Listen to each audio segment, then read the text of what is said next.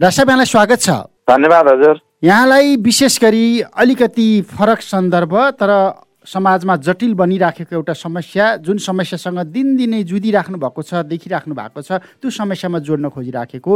नेपालमा अहिले मानसिक रोगसँग जोडिएको अथवा मानसिक समस्या भएका बिरामीको सङ्ख्या बढ्यो भन्ने एउटा बाहिरको बहस र तथ्याङ्कले देखाउँछ।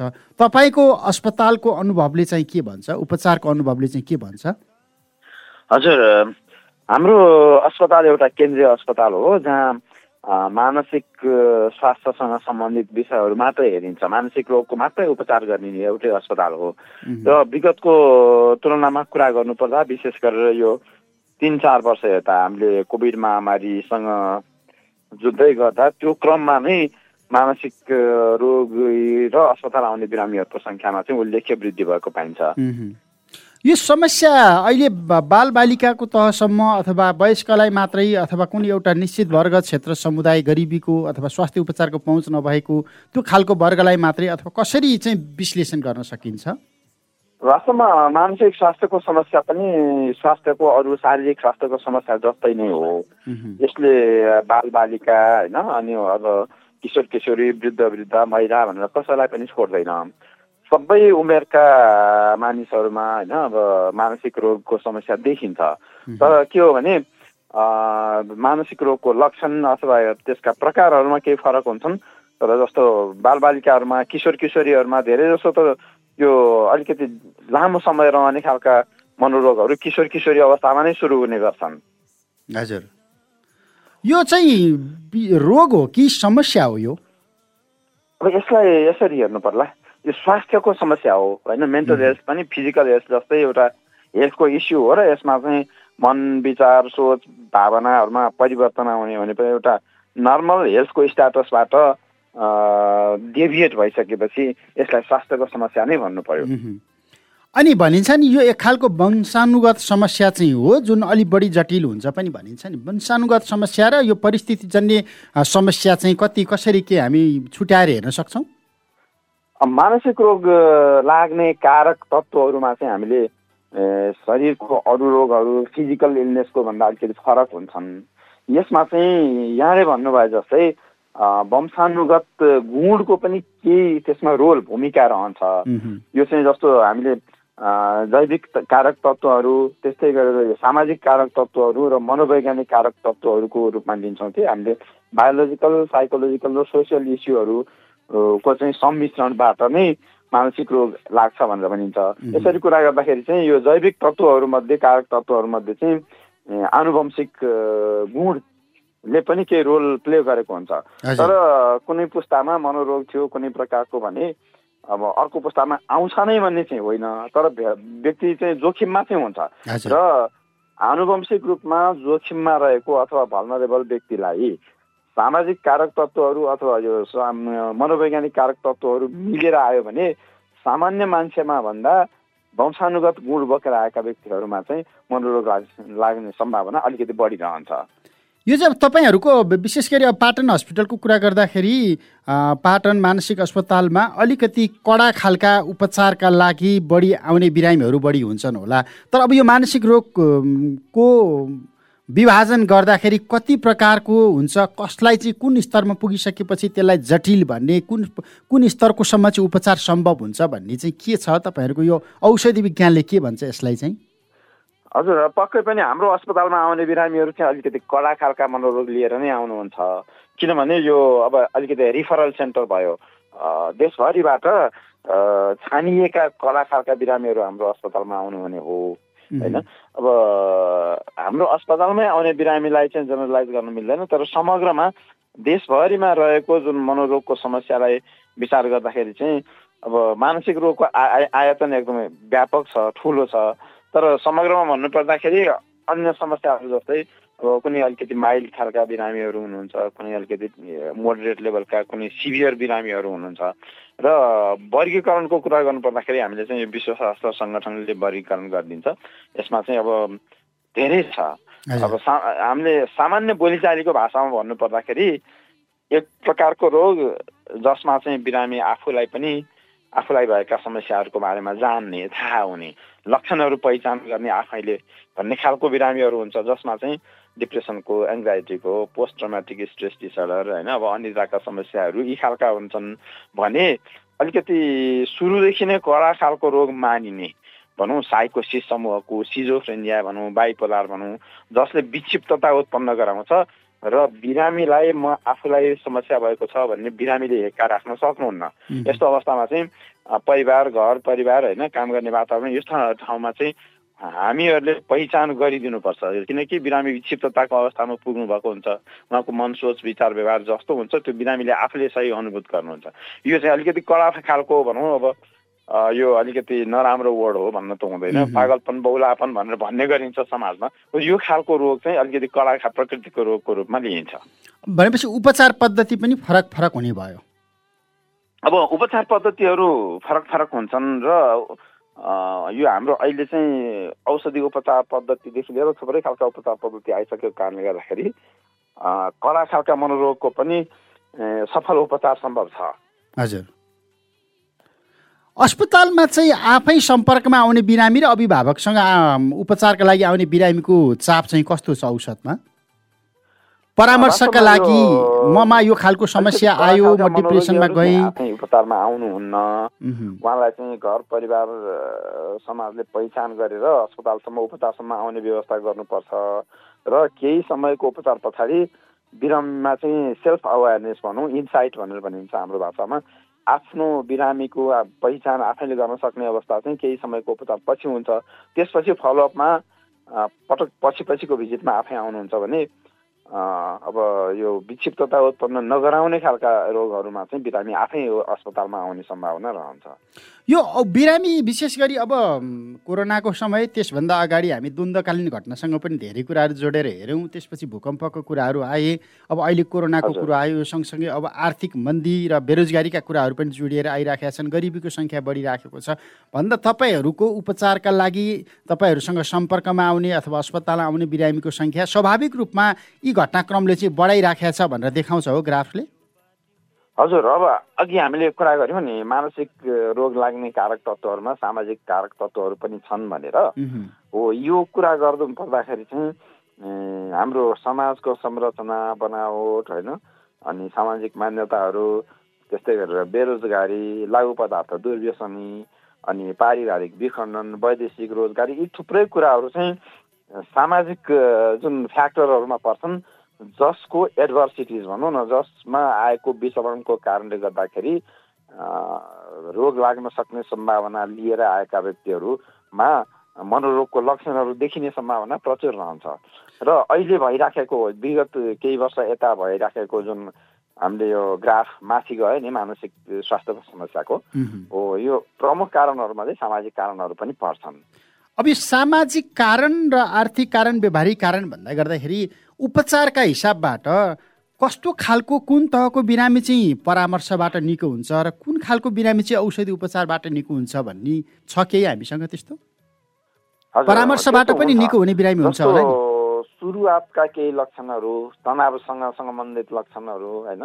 माइल खालका डिप्रेसन अनि एङ्जाइटीको स्पेक्ट्रमको पनि सुरु सुरुका लक्षणहरू चाहिँ हामीले मनोपरामर्श उचित मनोपरामर्श पाएको खण्डमा निको हुन्छन्। केही समयको परामर्शपछि भने अब अलिकति कडा रूपमा रोग अगाडि बढ्यो।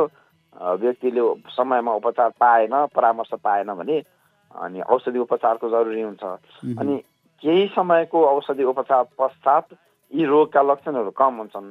तर त्यसको कारक तत्त्वमा रहेको को रूपमा रहेको चाहिँ सामाजिक कारणहरू छन् नि यिनीहरूलाई निराकरण गर्न यिनीहरूलाई हल गर्न सकिएन भने रोग लगाउने जुन ब्याकग्राउन्ड त बाँकी रहन्छ नि हो त्यसैले यो यसको उपचार पनि अब कारणहरू मल्टिफ्याक्टोरियल भएको सँगसँगै उपचार पनि त्यसै गरी अप्रोच गर्नुपर्छ जसमा चाहिँ अब मनोपरामर्श औषधि उपचार एउटा छँदैछ भने त्यसलाई रोगलाई निम्त्याउन जुन रोल प्ले गर्ने सामाजिक कारणहरू छ नि यिनीहरूलाई पनि हल गर्ने निराकरण गर्ने प्रब्लम सल्भ गर्न व्यक्तिलाई सिकाउने यी यी कुराहरूको पनि चाहिँ ठुलो महत्त्व रहन्छ। नत्र समग्रमा हामीले मानसिक स्वास्थ्यको समस्यालाई हेर्न सकिँदैन। अब विशेष गरी पछिल्लो समयमा बालबालिकाहरूमा अलिकति जटिल छ किशोर किशोरीहरूमा चाहिँ अलिकति जटिल रूपमा यो समस्या बढिराखेको छ भनेर पछिल्लो समय राष्ट्रिय अन्तर्राष्ट्रिय संस्थाहरू जस्तो चिल्ड्रेन सोसाइटीको तथ्याङ्क पनि त्यही देखिन्छ। च्यारिटी द च्यारिटी नामक संस्थाले निकालेको तथ्याङ्कले पनि त्यही देखाइरहेको देखाइराखेको छ। बालबालिका र किशोर किशोरीहरू यसरी बढी यो समस्यामा जुझ्न पर्नुको कारण चाहिँ के हो? किन के कारण हुनसक्छ यो सामाजिक कारण हो कि आर्थिक कारण हो कि शैक्षिक कारण हो कि अथवा यो त हाम्रो प्रविज्ञान र प्रविधिले ल्याएको चुनौती हो कि यसलाई कसरी हेर्ने? अब यो समाज विकासको क्रम सँगसँगै यसले धेरै कुराहरू राम्रा कुराहरू पनि लिएर आयो होइन? तर सँगसँगै के पनि भयो भने टेक्नोलोजीको विकास भयो अनि यो हाम्रो जुन शिक्षण प्रक्रियाहरूमा फरक पनि आयो अनि कस्तो भने समाजको संरचना नै बदलियो। बाबा आमाहरू अब दुवैजना काममा जानुपर्ने अनि हाम्रो जुन पहिले पहिलेको थियो नि जुन हाम्रो पारिवारिक संरचना हजुरबुवा हजुरआमासँग नाति नातिनाहरू हुर्किन पाउने। यस्तो खालको संरचना चाहिँ बिस्तारै भत्काउँदै गएर परिवार पनि एकात्मक हुन थाल्यो। अनि बुवा आमा भनौँ श्रीमान श्रीमतीको सम्बन्धमा समस्या आउन थाल्यो। अनि बच्चाहरूको हुर्काइ पढाइ राम्रो भएन। अनि कस्तो भयो भने त्यो सँगसँगै बच्चाको मनोविज्ञान बिग्रिने भयो एउटा जुन टेम्परामेन्ट भन्छ नि विकासको पनि त्यो त्यो खराब हुँदै गयो भने अर्को चाहिँ सहन गर्ने क्षमता पनि एकदमै न्यारो हुँदै गयो। यो एटेन्सनको चाहिँ स्थानहरू घट्ने केले भन्दाखेरि यो सामाजिक सञ्जाल अनि यो भिडियो गेम जुन टेक्नोलोजीलाई नै भनौँ न अब दोष त कसरी दिनु? तर हामीले चाहिँ यो विज्ञान प्रविधि प्रविधिले ल्याएका राम्रा कुराहरूलाई चाहिँ अङ्गीकार गर्न सकेनौँ। त्यसको त्यो नराम्रा पक्षहरूले चाहिँ हामीलाई गाँच्न थाल्यो। भनेपछि बच्चाहरूको समग्रमा यो मनोवैज्ञानिक विकासमा समस्या प्यारेन्टिङमा समस्या स्कुलको एजुकेसनमा समस्या यी थुप्रै कारणले गर्दाखेरि चाहिँ किशोर किशोरीहरूमा बालबालिकाहरूमा चाहिँ यो आत्तिने समस्या त्यस्तै गरेर यो जुन एकाग्रता नहुने एटेन्सन डिफिसिट हाइपर एक्टिभिटी भन्छन् अनि अलि अलि छिटो नै अर्ली एजमा नै यो लागु पदार्थसँगको एक्सपोजर होइन? यी थुप्रै कुराहरूले गर्दाखेरि चाहिँ किशोर किशोरी अवस्थादेखि नै मानसिक स्वास्थ्यको समस्या झेल्ने भोग्नुपर्ने अवस्था चाहिँ आएको हो अब यहाँनिर बालबालिकाहरूलाई विद्यालय तहमै अथवा परिवारभित्रै रहँदाखेरि आत्मविश्वास बढाउने खालका कुनै उपचार पद्धतिहरू पनि त होला नि विद्यालयहरूले अवलम्बन गर्न सक्ला अभिभावकले अवलम्बन गर्न सक्लान्। हजुर। अब हाम्रो अब केही समय यता अलिकति मानसिक स्वास्थ्यप्रतिको जागरण चाहिँ नबढेको होइन बढेको पाइन्छ है। तर यो पर्याप्त भएन। किनभने अब हामीले विद्यालय तहदेखि नै बच्चाको मानसिक स्वास्थ्य जगेर्ना गर्नुपर्छ सिकाइमा चाहिँ बच्चाले एकदम खुलेर खुसी भएर स्कुल जाने वातावरण बनाउनुपर्छ भन्ने कुरा हामी कुरामा चाहिँ गर्छौँ। तर हरेक विद्यालयमा चाहिँ त्यो चिल्ड्रेन फ्रेन्डली खालको विद्यालय छैन। होमवर्कका बर्डनहरू हुन्छन्। अनि अब फिजिकल्ली टर्चर दिनु हुँदैन भनिए तापनि यता त्यस्तो कुराहरू पनि सुनिन्छ होइन? हरेक बच्चा चाहिँ विद्यालय जाने बेलामा कुन बेला जान पाइएला भनेर खुसी भएर जानुपर्ने स्थिति अहिले पनि छैन। त्यसैले सुरुदेखि नै अब विद्यालयमा हुन त काउन्सिलरहरू पनि राखिएको स्कुल हेल्थ नर्सहरू छन्। तर पनि मानसिक स्वास्थ्यलाई नै सर्वोपरि ठानेर चाहिँ बच्चाको हुर्काइ हुनुपर्छ भन्ने खालको कुरामा हामी अझ पनि लाग्न सकेका छैनौँ। अनि यस्तै गरेर प्यारेन्ट पनि अब परिवारको आर्थिक जोको लागि अथवा विभिन्न कुराको लागि हामीले बा बाबा आमाले चाहिँ जुधिराखेका हुन्छौँ तर बच्चालाई एडेक्वेट समय दिन हामी आफैले पनि सकेका हुँदैनौँ कि। त्यो हिसाबले पनि बच्चाको मनोविज्ञान बिग्रिँदै जाने एकात्मक हुँदै जाने अनि झिझिने चाइल्डहुड अवस्थामा डिप्रेसनको शिकार हुने यी खालको चाहिँ समस्याहरू अब हामीले कतिपय अवस्थामा दुर्घटनाहरू सुन्छौँ। सानो सानो बालबालिकाहरूले पनि आत्महत्या गरेका घटनाहरू यी कुराहरूलाई चाहिँ एकदमै गम्भीर भएर सोचिएन भने बालबालिकाको मानसिक स्वास्थ्यको समस्या चाहिँ झन् झन् बढ्नेवाला छ। यो आत्महत्याको सन्दर्भ भनिहाल्नुभयो। आत्महत्या गर्दैछ व्यक्तिले भनेर उसका लक्षणहरू यस्ता यस्ता हुन सक्छन् है। हामीले पहिल्यै नोटिस गर्न सक्छौँ भनेर विज्ञहरूले दिने सुझाव र डिप्रेसनमा गएका व्यक्तिहरूको लक्षणहरू चाहिँ यस्ता यस्ता हुन्छन् है। मानसिक समस्याका यस्ता यस्ता हुन्छन् भन्ने सङ्केत त लगभग लगभग उस्तै देखिन्छ भन्दा। यो हामीले आत्महत्या बढ्यो भनेर चाहिँ बहस धेरै गऱ्यौँ तर यो मानसिक समस्या बढ्यो भनेर चाहिँ बहस किन गर्दैनौँ? हो अब यो आत्महत्या चाहिँ मानसिक स्वास्थ्यसँगै जोडिएर आउने कुरा नै हो। होइन? अब समाजले चाहिँ आत्महत्यालाई क्रिमिनलाइज गर्छ कि? यो अपराध हो आत्महत्या होइन? आत्महत्या कायरले गर्छ गरिनु हुँदैन भनेर भन्छ। तर भन्नलाई सजिलो छ। तर आत्महत्याको पर्दा पछाडिरहेको कारण भनेको नै मानसिक रोग नै हो। लगभग तथ्याङ्कहरूले के भन्छ भने पचासी प्रतिशत जति आत्महत्याका घटनाहरूको पछाडि कुनै न कुनै खालको मानसिक रोग नै हुन्छ। र बाँकी पन्ध्र प्रतिशतमा पनि जुन आवेग इम्पल्समा आएर व्यक्तिले आत्महत्या गर्छ त्यो पनि एउटा साउन्ड माइन्डले गरेको हुँदैन। त्यसमा कतिपय व्यक्तित्वको समस्या होला कतिपय लागु पदार्थको समस्या होला यी सबै पनि समग्रमा हेर्नु पर्दाखेरि मानसिक स्वास्थ्यसँगै जोडिएर आएको हुन्छ। त्यसैले हामीले आत्महत्यालाई आइसोलेटेड रूपमा हेर्ने अथवा क्रिमिनल रूपमा हेर्ने भन्दा मानसिक स्वास्थ्यको जग्गामा मानसिक स्वास्थ्यको बारेमा खोलेर बहस गर्ने र समयमै उपचार गर्ने हो भने आत्महत्याको चाहिँ र दरलाई धेरै कम गर्न सकिन्छ। अब अरू अरू फ्याक्टरहरू पनि छन् आत्महत्यासँग जस्तो कानुनी कुराहरू अब यो कीटनाशक औषधिको जुन जथाभावी प्रयोग यी कुराहरू पनि छन्। तर यो सँगसँगै मेजर इस्यु भनेको मेन्टल हेल्थलाई राम्रोसँग एड्रेस गर्न सकियो भने आत्महत्याको दर धेरै घटाउन सकिन्छ। अब लक्षण अथवा सङ्केतको हिसाबबाट हेर्दाखेरि चाहिँ के के देखिन्छ? विशेष गरी यो व्यक्ति डिप्रेसनमा गइराखेको छ अथवा यो व्यक्तिमा मानसिक समस्या छ भनेर हेर्ने मानकहरू चाहिँ के के हुन् सामान्य त मान्छेले व्यवहारिक रूपमा नोट गर्न सक्छ हजुर। अब अघि पनि हामीले भन्यौँ केही खालका मनोरोगहरू धेरै छ जस्तो मनोरोगहरूमा व्यक्ति आफैलाई थाहा हुन्छ। होइन जसमा चाहिँ डिप्रेसनको शिकार भएको हो भने दुई हप्ताभन्दा बढी समयसम्म निराशा होइन सानो सानो इस्युमा अथवा बिना कारण झिझ्याट आउने अनि आफूलाई चाहिँ निकममा ठान्ने आफू एक्लो छु भन्ने महसुस हुने त्यस्तै गरेर कुनै अपराध अथवा कुनै गल्ती नगर्दा पनि आफूलाई गिल्टी ठहराउने आफूलाई चाहिँ अपराध बोध पश्चाताप हुने बिना कारण र जीवनको अर्थ आफैलाई खासै नहुने आत्महत्याको सोचहरू आउने थाक्ने गल्ने निन्द्रामा भोकमा समस्या आउने तर शारीरिक परीक्षणहरूमा नर्मल अथवा कुनै समस्याहरू नदेखिने अवस्था भयो भने यो चाहिँ डिप्रेसनको समस्या हो भनेर बुझ्नुपर्छ। त्यस्तै गरेर बिना कारण डर त्रास आउने होइन यो शरीरमा चाहिँ मुटुको धड्कन बढ्ने त्यस्तै गरेर यो अनुहारमा अलिकति अस्वाभाविक खालको परिवर्तन आउने छातीमा केही एकदमै भारी हुने मरिन्छ कि जस्तो लाग्ने अनावश्यक खालको डर त्रास आउने यो चाहिँ एङ्जाइटीसँग सम्बन्धित समस्याहरू हुन् जुन कुरा चाहिँ बिरामीले आफूले चाल पाउन सक्नुहुन्छ। त्यो एङ्जाइटीको मात्रा अत्याधिक भएपछि पनि मान्छेले त्यो सहन गर्न खप्न नसकेर बरु मरे जाति हुन्छ भनेर आत्महत्याका घटनाहरू भएका घटनाहरू पनि छन्। अनि अब अलिकति कडा खालको विक्षिप्तता उत्पन्न गराउने रोगहरूमा चाहिँ अनावश्यक शङ्का अनावश्यक डर भय त्यस्तै गरेर यदा कदा भाइलेन्ट बिहेभियरहरू आउने विक्षिप्तताको रोग भनौँ एक्लै बर बनाउने मान्छेहरूले आफूलाई षड्यन्त्र गर्दैछन् भन्ने आफूलाई भान हुने जुन कुरा सही हुँदैन होइन? यस्तो खालको कुराहरू र व्यवहारगत समस्याहरू जस्तो अब नर्मल खालको बिहेभियर देखाउने भयो भने चाहिँ साइकोसिस समूहको कडा रोग हो कि भनेर थाहा हुन्छ। र सामान्य अवस्थामा आफ्नो काम आफ्नो पेसा व्यवसाय राम्रोसँग गरेर जीवनयापन गरिरहेको व्यक्तिमा व्यवहार सोच मन परिवर्तन एकाएक आउन थाल्यो भने यो चाहिँ मानसिक रोगको समस्या हो भनेर बुझ्नुपर्छ। अब लगभग अन्त्यमा छौँ। तपाईँहरूको अस्पतालमै केन्द्रित हौँ। दुई हजार चालिस सालबाट यो अस्पतालले काम गरिराखेको छ है। हजुर। दुई हजार चालिस साल यता। अहिले सैया पचासवटा।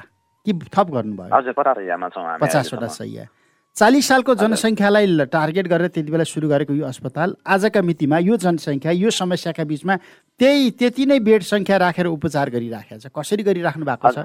एउटा बिरामी आयो भनेदेखि अर्को बिरामीलाई घर पठाउनुभन्दा बाहेकको विकल्प त छैन होला।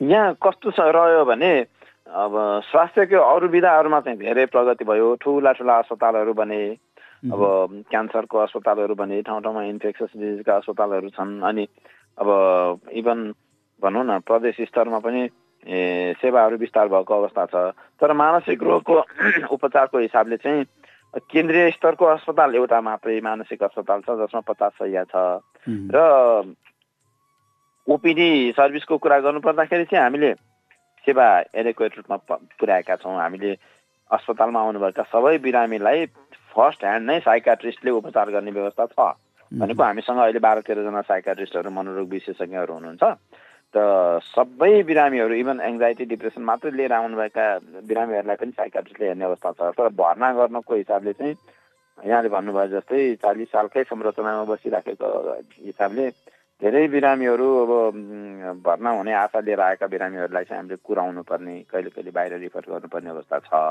र अलिकति अर्को एउटा हिसाबले पनि के हेर्नुपर्छ भने अहिले चाहिँ यो नेपाल सरकारले कम्तीमा दुई सय सय भएका जेनरल हस्पिटलहरूमा पनि मानसिक रोगको लागि दसवटा सय छुट्याउनु पर्ने भनेर नीति चाहिँ ल्याएको छ। तर सबै प्रदेशहरूमा यो खालको लागू भइसकेको अवस्था नभएकोले गर्दाखेरि हामीकोमा चाप चाहिँ छ। अझ अब यो हाम्रो अस्पताललाई स्तरोन्नति गर्न ढिला भइसकेको छ भनेर हामी वर्षी नै भन्ने गर्छौँ। अब सरकार धेरै वर्ष भयो। तपाईँहरूले त कम्तीमा तिन सय बेड पुर्याउनु पर्यो पनि देखिन्छ तर मटेरियलाइज नभइसकेको अवस्थामा चाहिँ अब यो अलिकति गाह्रो त गाह्रै नै छ। अहिले अब त्यहाँनिर आउने बिरामीहरूको उपचारका सन्दर्भमा जनशक्ति र प्राविधिक हिसाबबाट भौतिक पूर्वाधारको पनि अभाव छ। हाम्रोमा यो आन्तरिक जुन बेड अन्तरङ्ग सयको लागि चाहिँ उपचारको लागि बेड अभाव हो तर प्रविधिको हिसाबले हामी अगाडि छौँ। किनभने मैले अघि पनि भने हाम्रा बिरामीहरू फर्स्ट ह्यान्ड नै साइकाट्रिस्टको चाहिँ टेबलमा पुग्नुहुन्छ। त्यो भनेको एउटा राम्रो पक्ष भयो। सबै बिरामीलाई साइकाट्रिस्टले हेर्नुहुन्छ। अनि अर्को कुरा चाहिँ यो मनोपरामर्श र औषधि उपचार बाहेक हामीले अहिले अरू आधुनिक पद्धतिहरू पनि भित्राएका छौँ।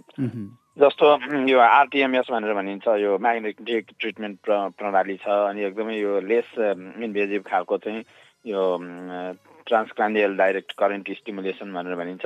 यो पद्धतिहरू पनि भित्राइसक्यौँ हामीले परा परम्परागत विद्युतीय उपचार पद्धतिबाट अगाडि बढिसकेका छौँ र त्यो हामीले व्यवस्था गर्न सकेका छौँ। हाम्रो एउटै समस्या भनेको चाहिँ भर्ना हुनुपर्ने बिरामीहरू सबैलाई एकैचोटि भर्ना गरेर उपचार गर्न सकिएको छैन। त्यति मात्रै हो। बजेट प्राथमिकताको हिसाबबाट पनि समस्या छ नि। नेपालको स्वास्थ्यमा छुट्याइएको टोटल बजेटको एक प्रतिशत पनि मानसिक स्वास्थ्यमा छुट्याइएको हुँदैन। त्यो चाहिँ एकदमै मानसिक अस्पताललाई मात्रै उपेक्षित गरिएको होइन कि समग्रमा नै होइन? देशमा चाहिँ मानसिक स्वास्थ्यको जस्तो अब प्रवर्धनात्मक कुरा प्रतिरोधात्मक कुरा क्युरेटिभ कुरा समग्रमा नै मानसिक स्वास्थ्यको लागि छुट्याइएको बजेट असाध्यै न्यून छ। राज्यले प्राथमिकतामै राखेन अब समग्रतामा कति भन्ने कति प्राथमिकतामा राखेन भनौँ भने अब दुई तिन वर्ष यता यो सुसाइड प्रिभेन्सन सम्बन्धी निर्देशिका पनि जारी गरियो। यो राष्ट्रिय यो जुन मानसिक स्वास्थ्य रणनीति तथा कार्ययोजना भनेर पनि आयो। अब डब्लुएचओले प्राथमिकतामा राखेको कार्यक्रम हो यो यो अनुसार चाहिँ हामीले अगाडि बढ्नुपर्छ भनेर भनिन्छ पनि। तर कार्यान्वयनमा चाहिँ प्राथमिकतामा आइसकेको जस्तो देखिँदैन। अर्को अब तपाईँ हामीले अहिले बहस गर्दै गर्दा बालबालिका र लागु औषध प्रयोगकर्ताहरू अथवा दीर्घकालीन सेवाका लागि आउने बिरामीको सङ्ख्या बढ्दैछ भन्दै गर्दाखेरि बालबालिका लागु औषध अथवा त्यो खालका बिरामीका लागि हामीले छुट्टै विभाग बनाएर उपचार गरिराखेका छौँ कि उही पहिलाकै परम्परागत ढङ्गैबाट त्यही त्यही हिसाबमा व्यवस्थापन भइराखेको छ? हजुर यो असाध्यै राम्रो सवाल उठान भयो नेपालमा बालबालिकासँग सम्बन्धित नै यो बालबालिका तथा किशोर किशोरी मानसिक स्वास्थ्य विशेषज्ञहरू भनेर अहिले पाँचजना हुनुहुन्छ।